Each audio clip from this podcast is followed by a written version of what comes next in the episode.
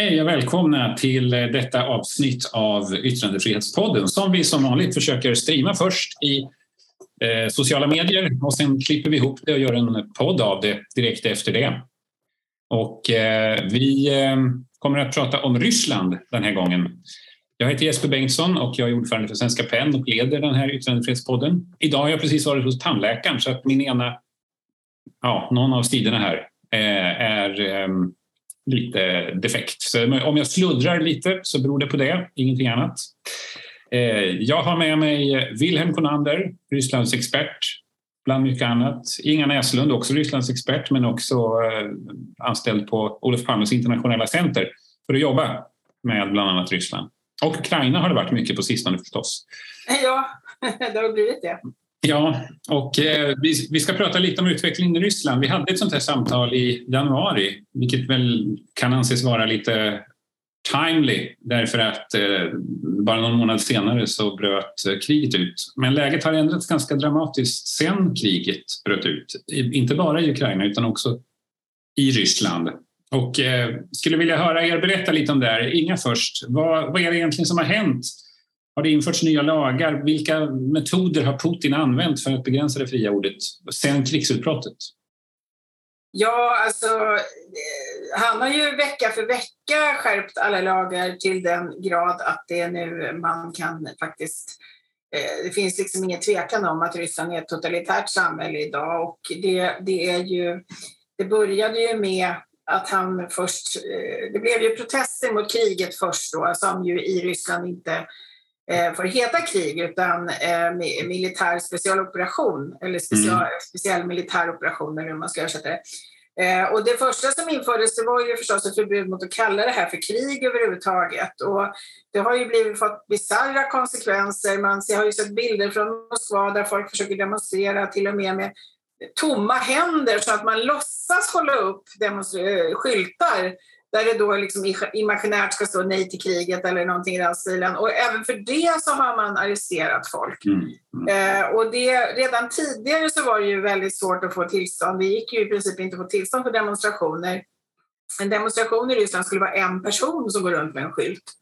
Och det är väl det vi har sett då att de har försökt att göra, men det, det, det gick inte. Och sen har ju förstås i media så har ju eh, redan, det är samma sak där, jag menar redan när kriget började så var ju media all etermedia, de flesta tidningar och så helt kontrollerade av mm. Putin-regimen.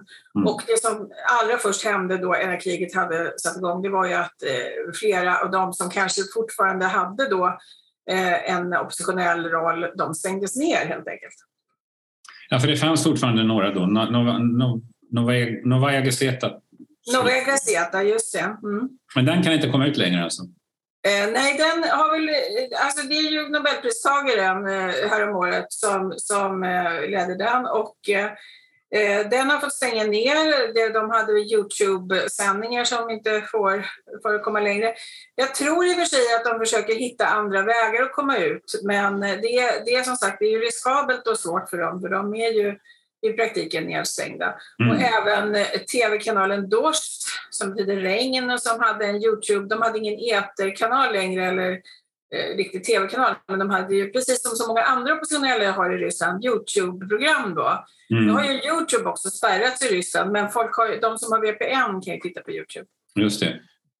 Det som är eh. intressant ja, ja. med eh, Novaja Gazeta det är ju att eh, de försökte ursprungligen anpassa sig till det nya läget och eh, publicerade vita sidor eh, först och sedan så fick de stänga ner och nu finns de ju sedan några veckor i exil faktiskt och, och eh, har eh, webbsida med, med motsvarande nyheter i väst.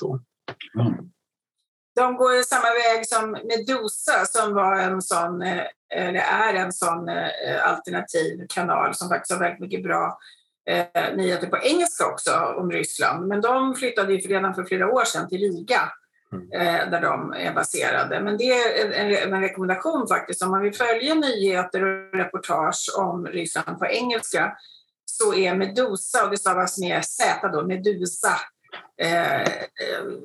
så, så är de väldigt, väldigt bra nyhetskälla faktiskt. Mm. Och de har ju både en ryskspråkig huvudredaktion och en engelskspråkig eh, redaktion sedan många år tillbaka med folk som är vana vid sociala medier och, och skilda bakgrunder som är väldigt positivt och tillförlitligt. Mm. Men det ni beskriver är egentligen en situation där, där eh, exil är det enda rimliga sättet att arbeta på för de som vill skriva om Ryssland och är ryssar själva. Det, det går liksom inte att göra inne i landet. Alltså det här är ju terror och tystnad i mångt och mycket och, och eh, det här är ju väl förberett sedan länge. Den lag som många har fått upp ögonen för, nämligen fejklagen som infördes 4 mars, bara då en knapp vecka efter invasionen. Det är ju något som har förberetts sedan 2019 med skilda fejklagar där man har, gjort tillägg efter tillägg efter tillägg. Den stora vattendelaren det är ju det som vi kallar den konstitutionella kuppen, eh, nämligen den 2020 års eh, konstitutionella förändringar eh, mm. där man eh, kastade alla kvarvarande rester av, av, av rättsordning över ända. Och där har man ju, ju, element som säger vad, vad man inte får, får liksom Eh, tala illa om det. Det är fosterland, det är armé, det är historia, det är Gud och en hel massa dogmer som har satts som någon slags nationell ideologi och de får inte ifrågasättas. Mm, mm. Och det här kombineras ju också med den, för många tror jag, känd, välkända lagen mot utländska agenter som ju när den kom 2012, tror jag faktiskt först, så skrattade man ju lite åt den. Jag menar utländska agenter, det låter ju som en tv-serie från eh, BBC om spokes som eh, går omkring med små gadgets och lyssnar på varandra och så. Det, det är nästan så att det är lite skojigt sådär, men det är inte alls skojigt längre. Det, det började med att man satte åt civilsamhället som ju inte fick ta emot eh, stöd eh, från väst, eh, ut, eller från utlandet överhuvudtaget utan att eh, anmäla, liksom, registrera sig som utländsk agent. Eh, och det, eh, för de här små civilsamhällesorganisationerna så blev det ett ord som faktiskt försökte göra det då, säga att vi, vi, vi, vi är utländska agenter, vi, vi talar om det, men då innebar det att de fick redovisa sin ekonomi var tredje månad, de fick eh, oerhörda liksom, byråkratiska pålagor som gjorde att det blev nästan omöjligt för den typen av organisationer att klara det. Sen eh, när man hade liksom, eh, vad ska säga, krossat, eller nej, men när man hade attackerat och civilsamhället utifrån det här med att ta emot och stöd och ha samarbete med väst, då gav man sig på media faktiskt. Och det, mm. det är ju ett antal tidningar, som till exempel Medusa är ju tvungen att när de tweetar, man kan gå in på Twitter och titta på Medusa, då ser man, de börjar med en lång, lång drapa där de talar om att de är utländska agenter, för det är de ju förklarade att vara i Ryssland. Eh, och sen eh, gav de sig på, började de ge sig på enskilda personer, för det var det inte från början. Så enskilda journalister, de har gett sig på eh, eh, vad heter det, opinionsinstitut, Levada som numera man inte heller kan lita på för de är liksom i princip övertagna från myndigheterna där. Men då var ju Levada var ju tidigare ett, ett självständigt opinionsinstitut som man kunde faktiskt få lite intressanta opinionsundersökningar för Ryssland, men det finns ju inte längre. Eh, och det, det allra senaste är nu att det inte ens handlar om pengar. Eh, att man tar emot pengar från utlandet, för det är väl kanske någonting som går att bevisa eller inte. Utan nu har man eh, utvidgat den här lagen om utländska agenter Det handlar om att man har kontakter med utlandet. Så nu är vi tillbaka i en sovjetisk verklighet där ett samtal kan vara att man blir en mm. utländsk agent. Och de har också skärpt straffen. Det man bör ha i åtanke när man hör uttrycket utländsk agent är ju inte spioneri eller någonting motsvarande utan det är att det är en synonym med folkfiende. Ett ja. uttryck som Putin använder i sin retorik återkommande och som är hämtat från Hitlers Mein Kampf.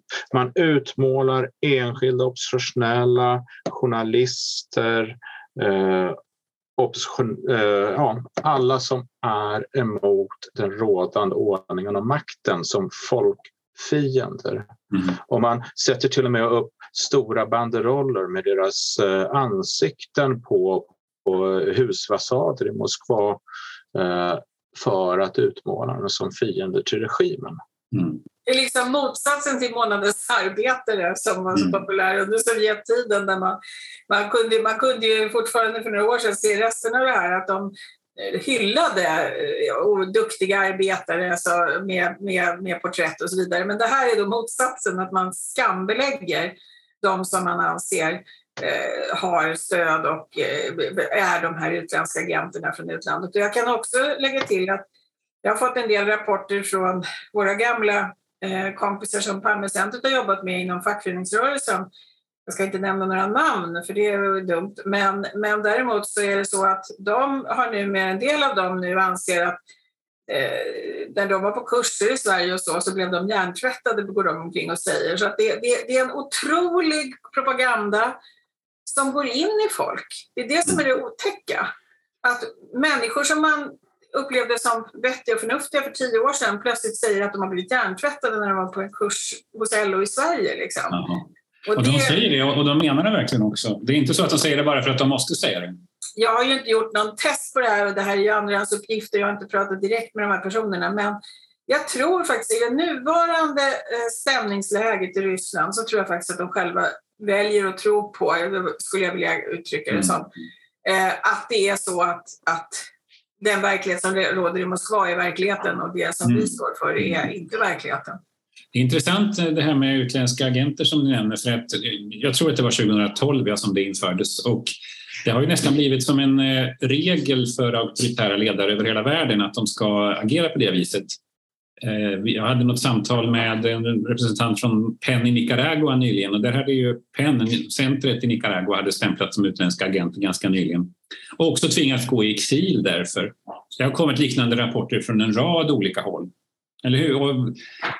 Ja, det är en lagstiftning som har kopierats av till exempel Turkiet, Egypten, Somalia, Etiopien nästan rakt av. Man undrar om de har möten där de utbyter idéer och liksom skriver ja. konstiga lagförslag till varandra eller hur, hur det går till. Men det, det Eh, jag är ju ganska säker på att det driv en, alltså jag, eftersom jag har lång erfarenhet av det här med propagandan i Moskva så är jag ganska säker på att Moskva eh, är drivande bakom det här. Ja, ja. ja men det skulle jag nästan tro. Eh, tänkte också på det här du pratade om förut, Wilhelm, eh, om eh, att det har funnits en systematik i Putins agerande under lång tid för att komma hit. Eh, mm. Tror ni att han planerade detta redan när han tillträdde för 20 år sedan och att det har liksom tagits steg för steg i den här riktningen? Det första stora lagförslaget som eh, Putin la fram i september 2020, han tillträdde ju strax före sommaren 2020, eller 2000 eh, menar jag, eh, efter Jeltsin då, det var en informationssäkerhetsdoktrin som i mångt och mycket förebådar utvecklingen därefter. Han har varit oerhört metodisk i sitt tillvägagångssätt med eh, lagstiftning, uttolkning av konstitutionen. Mycket har hämtats från fascistiskt och eh, nazistiskt tankegods där Eh, Eh, målet är ju att eh, skapa en tystnad i samhället genom en slags informell, ömsesidigt underförstådd terror. Ja, alltså, jag har funderat mycket på den frågan Jesper ända sedan kriget startade därför att eh, det var ju många som sa när kriget satte igång 24 februari att det var en chock. Jag menar, till exempel många ryssar jag känner var det en chock för och så vidare även om tecknen var ganska tydliga, så kan man se dem så här i efterhand, så var det ändå en stor överraskning att det gick så långt som det gick. Eh, eh och att man gick in i fullskaligt krig och så vidare i, i, Ukraina. Men då börjar man ju fundera på hur länge har jag planerat det här och, och, och, varför kom det nu och inte för 2014 till exempel. Och jag tycker nog när man ser historien bakåt att man kan se tecknen redan, precis som Wilhelm säger, från från, första, från Putins första år som president. Eh, och jag tänker när jag liksom har dessutom sett på Putins personliga historia att han var ju KGB-agent i augusti 1991. KGB var inblandad i kuppen mot Gorbatjov då som de förlorade. Eh, och jag tycker det är en revanschtänkande bakom det här. Det är de, de vill ha tillbaka, de, de kanske inte vill, jag tror inte att de vill ha tillbaka kommunismen som ideologi på det sättet. De är inte, de är inte kommunister, det, det är inte det det handlar om. Men de vill ha tillbaka det ryska imperiet, de vill ha tillbaka sin makt som de hade. Och det, de har aldrig kunnat förlåta det. Och jag ser ett mönster i att till exempel hans parti heter Enade Ryssland. Mm. Det var ju ett tidigt beslut av honom och jag, jag, tror att kanske detaljerna har väl inte varit planerade eller tidpunkterna och så. Jag, jag, tror till exempel att det här kriget kanske hade kommit två år tidigare om det inte hade blivit pandemi. Ja, eh, till exempel. Men, men det är ju spekulationer. Samtidigt så är jag ganska säker på att det här är planer som har växt fram under lång tid. Han har agerat liksom i linje med sin idé och kanske att det har blivit aktualiserat av att han eh, känner att hans tid är utmätt på ett eller annat sätt. Mm. Om man övergår då från lagstiftning från 2000, själva början av eh, Putins presidentskap till praktisk politik så något av det första han gjorde var ju att ge sig på de stora mediemogulerna i eh, Ryssland, nämligen Berezovskij och Gosinski. Han tog kontroll över de stora mediebolagen och medias oberoende. Det var mm en av de första sakerna han gjorde eh, för att gå vidare sen och ta sig an Chodorkovskij och hans också medieinnehav. Det är verkligen, man ser verkligen mönstren tydligt så här i efterhand. Att, eh, han, han, han, han, han utsåg ju liksom sina huvudfiender, förutom utlandet i allmänhet. Då. Eh, och så var det ju, så var det ju då eh, de i Ryssland som hade blivit rika utan hans hjälp, om man säger så. Mm. Ja. De tidigare oligarkerna. Och idag så är ju, när, vi, när, när, kriget började var det många som sa, men kommer inte oligarkerna att protestera? Och kommer inte de här som blir av med alla sina jakter, jakter och, och lyxjakter och eh, lägenheter i London, grad och så vidare, kommer de inte att producera? Men, men det är ju så att Ryssland är ett feodalsamhälle idag och de som är rika och finns i Ryssland, de är rika därför att Putin tillåter det. Mm. Jag brukar hävda att eh, Ryssland var postmodernt långt innan det blev modernt. Men för att ta frågan vidare till, till ett mer filosofiskt plan vad gäller yttrandefrihet. Eh, Ryssland har ju mångt och mycket blivit en spegelbild av västs politiska polarisering, bara det att det har snurrat ett varv vidare. Mm. Om man ser till den politiska polariseringen i väst så syftar ju den till att, så att säga, förlama det politiska mittfältet, det politiska eh, det rationella politiska samtalet, kompromisserna, det kommittéväsen vi har i Sverige. Eh, det var den första åtgärden som Putin vidtog, att, att kväsa och kväva eh, det rationella politiska samtalet i, i Ryssland. Sedan när han väl hade gjort det så intog han själv mittfältet och skapade en extrem norm i mittfältet. Och den här mittfältspolitiken eller extremistiska mittfältspolitiken det är ju någonting som har utvecklats under lång tid.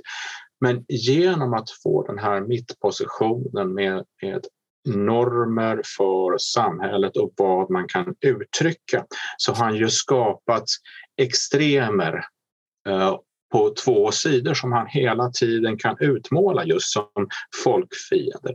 Och en av de lagar som är mest tillämpat mot yttrandefriheten det är ju extremismlagen där han kan utmåla folk som säger misshagliga saker, uttrycker sig på nätet eller i offentligheten för extremister, främmande agenter, folkfiender. Mm. Så han har så att säga vänt på logiken i den politiska polariseringen genom att först skapa politisk polarisering, sen inta mittfältet och använda det för att utmåla alla sina potentiella fiender till extremister. Mm.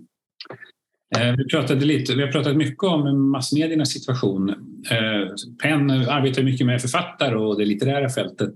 Eh, är det någon skillnad där i Ryssland idag för deras möjligheter att verka eller har, har det varit detsamma? Min intryck är ju att de i ganska stor utsträckning har eller vill lämna landet.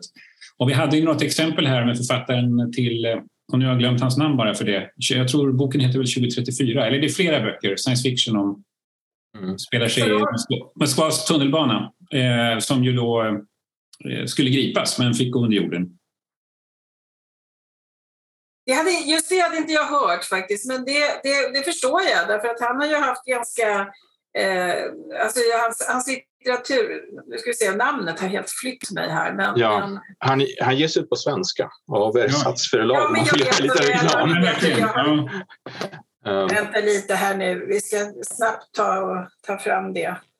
Uh, nej, men hur som helst så, så um, hans, hans uh, dystopier, det, det, är ju så att den, den, ryska moderna litteraturen, det, är ju väldigt mycket, det handlar ju väldigt mycket om dystopier. Det har varit otroligt populärt. Och de här böckerna runt 2034, 2033, 2034, det finns ju flera uppföljningar, de har mm. dessutom lett till en otroligt intressant egen litterär genre. Där det handlar om Moskva. Sen finns det alltså varianter som handlar om Petersburg som någon annan har skrivit som en sorts fanfiction som utvecklar eh, konceptet. Och det som är otäckt nu det är ju att när man ser bilderna från, från Ukraina så är det som om det har hänt i verkligheten i tunnelbanan i Charkiv. Ja. Jag tänker på det varje gång jag ser de bilderna. Det, för det är precis, det, alltså precis är det ju inte, för det handlar ju om kanske ett odefinierat, kanske efter ett kärnvapenkrig eller någonting i den stilen, så bor folk i tunnelbanan i Moskva då och, och lyckas överleva där och det blir klanstrider mellan olika stationer. Väldigt intressanta böcker om ni inte har läst dem.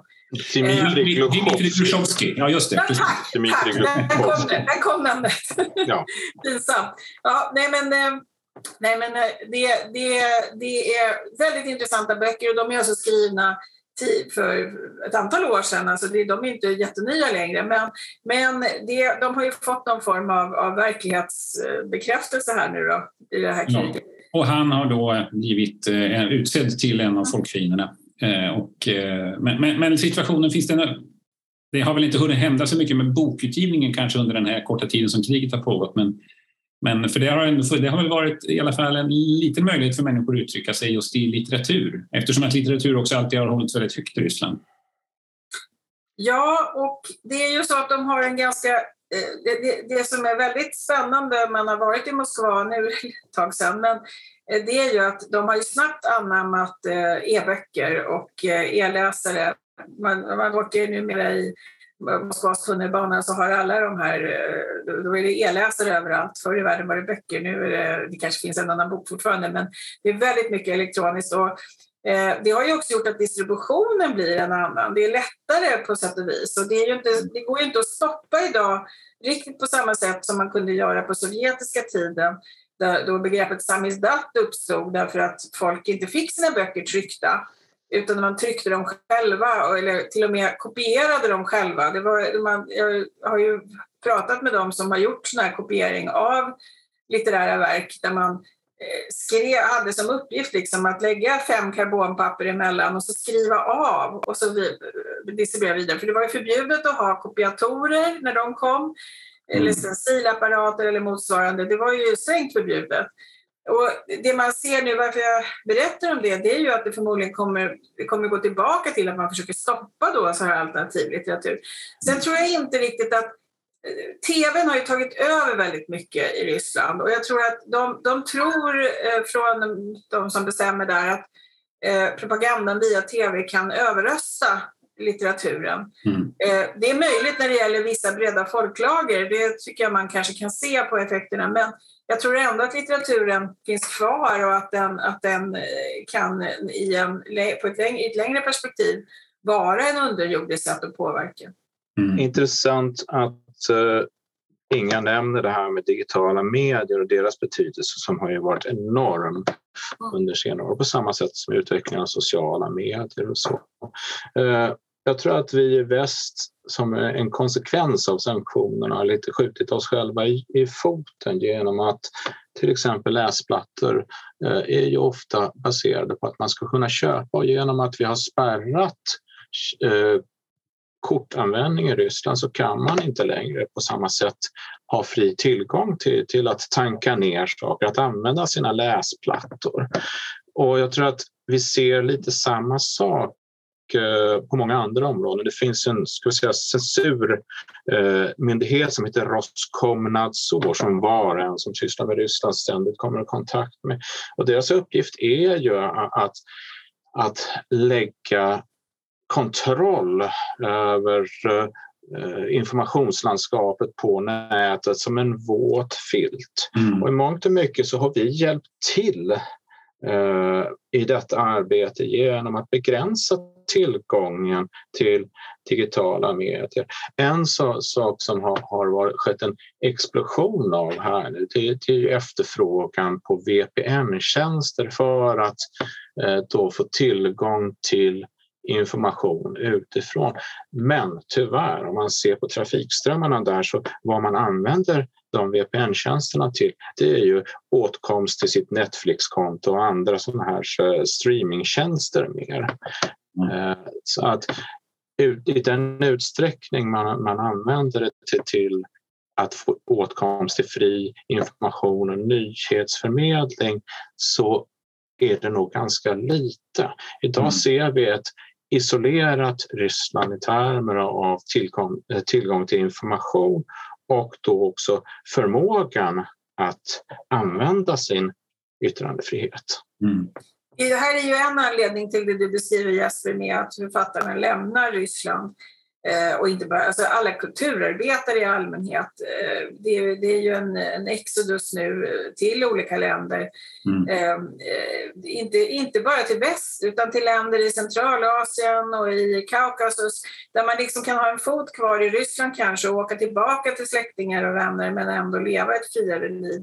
Jag vet att det är många som åker till Israel också. Det finns ett antal kulturarbetare som, som har möjlighet att åka dit.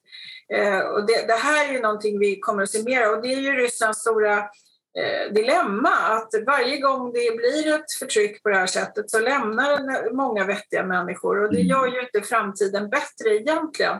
Samtidigt måste man ju förstå de enskilda personerna som måste tänka på sin egen säkerhet och sin, sina närmaste säkerhet och så vidare. Mm. Så jag, jag, jag kan ju inte råda folk att stanna kvar om de har möjlighet att lämna. Det, det är ju Även om det är så att de kanske skulle kunna påverka mer i framtiden då. Men det, det går ju inte att tvinga, det går ju inte liksom att säga det till människor. Vi som sitter här i väst har ju en trygghet som de inte har. Mm. Och då kommer vi till den klassiska frågan kring exilen och exilens kontakt med det ryska folket, den ryska verkligheten. För att exilen är ofta den elit som så att säga problemformulerar Rysslands framtid. Men utan förankring i verkligheten så kan man inte heller formulera problemen. Så att när vi ser journalister som går i exil och försöker starta upp som Novaja Gazeta eller tidigare Meduza så är det en ständig utmaning att ha kontakt med verkligheten, ha kontakt med de folkliga stämningarna, känna av klimatet. Mm. Det är ju bara närvaron som gör att man kan ta upp det. Så att en risk med exilen är ju att vi konstruerar någon slags eh, sinnebilder av ett Ryssland som det borde vara och som, som det själva verket inte riktigt är. Mm. Och trots alla så säga, sociala medier, alla kommunikationskanaler som vi har i vårt moderna samhälle, det finns inte något sätt att känna på verkligheten, att röra vid, vid, vid dammet på gatorna och så vidare. Eh, Men lite, lite på samma tema där, men jag tänkte vi skulle avsluta lite med. Det har ju också då rests ett antal olika krav och även genomförts kulturbojkotter av olika slag. Och det har funnits lite diskussioner om vad som egentligen är lämpligt att göra i form av kulturbojkotter. Ska man verkligen blockera all kultur från Ryssland? Vi hörde talas om Ukraina nyligen där de då förbjöd rysk musik till exempel.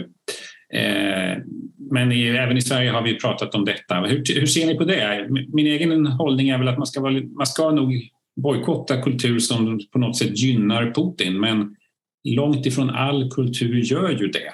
Men hur, hur är er bild? Det är ju som alla kulturyttringar att man, man, man gör en värdering så, som är media och liknande som så att säga, konsument. Eh, om man ser till sådana som är uttalade putinister så är det ju ganska enkelt att säga att de här vill vi inte ge tillträde till scener, eh, teater, media och så vidare. Men mm. det är ju redaktionella beslutet. Jag tror att vi med vår yttrandefrihet i väst är fullt förmögna att fatta sådana beslut. Och det kommer ju bli folkliga protester om man släpper fram putinistiska kulturyttringar i väst. För vi, vi har ju vårt samhällsklimat och vi har folk som är bildade och har möjlighet att säga men stopp, vänta. Så att jag tror inte alls på någon så att säga, blockad av rysk kultur, snarare tvärtom. Idag behöver vi ett större utbyte än någonsin tidigare. Vi behöver eh, tala med exilen, vi behöver tala med, med Ryssland i den mån det går. Eh, men sedan så tror jag att vi är fullt förmögna att, att på varje redaktion, på varje teater, eh, på varje eh, eh musikscen faktiskt finna våra vägar rätt fram för att förhålla oss till det här. Mm. Jag håller med Wilhelm med det och jag tror, jag tror att eh, eh det går inte att bara generalisera så. Jag menar om, om det till exempel kommer fram en eh, eh, författare eller om någon nuvarande författare börjar skriva kritiskt till exempel, skulle vi då bojkotta bara för att det sker på ryska? Det verkar ju lite bisarrt om man säger så. Sen kan man förstå reaktionerna i Ukraina. För att det, jag tror att det värsta effekten eller arvet efter det här kriget när det är över, det är ju hatet som det här har väckt mm. på bägge sidor. Jag menar, I Ryssland odlas Ukraina-hatet och i, i eh, det är inte så svårt i, i Ukraina att hitta skäl till rysshat med de förföljelser och de övergrepp som sker och så vidare. Så att, det där kommer vi att få leva med i många år framöver, att försöka eh, läka hur det här kriget än slutar. Så det, det tror jag, och det kommer ju ha sin, sitt avtryck också i kulturen. Mm. Men där handlar ju också i grundläggande om rättvisa. Mm. För att rättvisa har ju ett logiskt led vidare till upprättelse och kanske så småningom försoning. Och om man då lägger hämsko på yttrandefriheten, det fria utbytet av tankar, eh, så slår man mot de mekanismer som kan skapa rättvisa. Om man ser på yttrandefriheten i sig så är det ju en rättighetsfråga. Och i Ryssland så har man utifrån en konstitutionell tolkning genom tillämpad lagstiftning hindrat eh, denna rätt att komma till uttryck, att få tala fritt, uttrycka sig i tal och skrift. Mm. Och det måste vi motverka på alla sätt. Så till exempel här med att bojkotta rysk kultur. Det är ju farligt. Det motverkar ju våra egna syften. Det motverkar det öppna samhället. Mm, tack. Ja, och sen finns, det, sen finns det samtidigt en diskussion i till exempel Ukraina om man tittar bakåt då. Men det är lätt att bojkotta, som du säger William, det är lätt att bojkotta eh, Putins propagandapop. Eh, olika andra sådana yttranden eh, som kommer nu. Men sen om man ska titta på kulturen bakåt så, så finns det de som tycker att vi ska sluta läsa Pushkin, vi ska sluta läsa eh, eh, alla de stora ryska författarna och så vidare. Vi ska sluta spela dem på teatrarna. Där tycker jag att man, man kanske kan vara lite mera eh, eh vad ska man säga, mer nyanserad. Samtidigt är det så att givetvis finns det även i den klassiska ryska litteraturen bevis på rysk imperialism eh, och hur den har tagit sig uttryck genom århundradena. Och det är kanske inte just den delen som behöver populariseras nu mm. om man säger så. Jag förstår att man i Ukraina nu verkligen vill döpa om alla Pushkingator och Pushkintorg och så. För Pushkin hade inte på det viset någon anknytning till Ukraina. Medan jag såg någon statistik att Pushkin hade ett antal hundra torg uppkallade efter sig medan kända ukrainska författare hade många färre. Mm. Och det är väl sånt man vill, liksom balansen man vill komma åt och så. Men det är klart, det är ju symbolhandlingar förstås. Det viktiga här nu är ju att som Wilhelm säger, att, det, att kriget eh, får ett slut och att det blir rättvis, en rättvis eh, utdömande av straff också för de övergrepp som har gjorts. Mm. Om man ser till Klockan börjar dra iväg. Vi ska försöka hålla oss normalt inom eller till halvtimme. Vi har hållit på lite längre nu. Men eh, tack så hemskt mycket för ett jätteintressant samtal om eh, yttrandefriheten i Ryssland. Både under kriget och eh, vad som har lett fram till den situationen. Inga Näslund, Palmecentret, Wilhelm Konander, Rysslands expert. Jag säger tack. Jag heter Jesper Bengtsson och är ordförande för Svenska PEN och håller i den här yttrandefrihetspodden som det snart blir. Just nu ser ni det streamat, men eh, det kommer ut som podd här inom en dag eller två. Tack så mycket allihop. Nu stänger jag av livestreamen. Tack.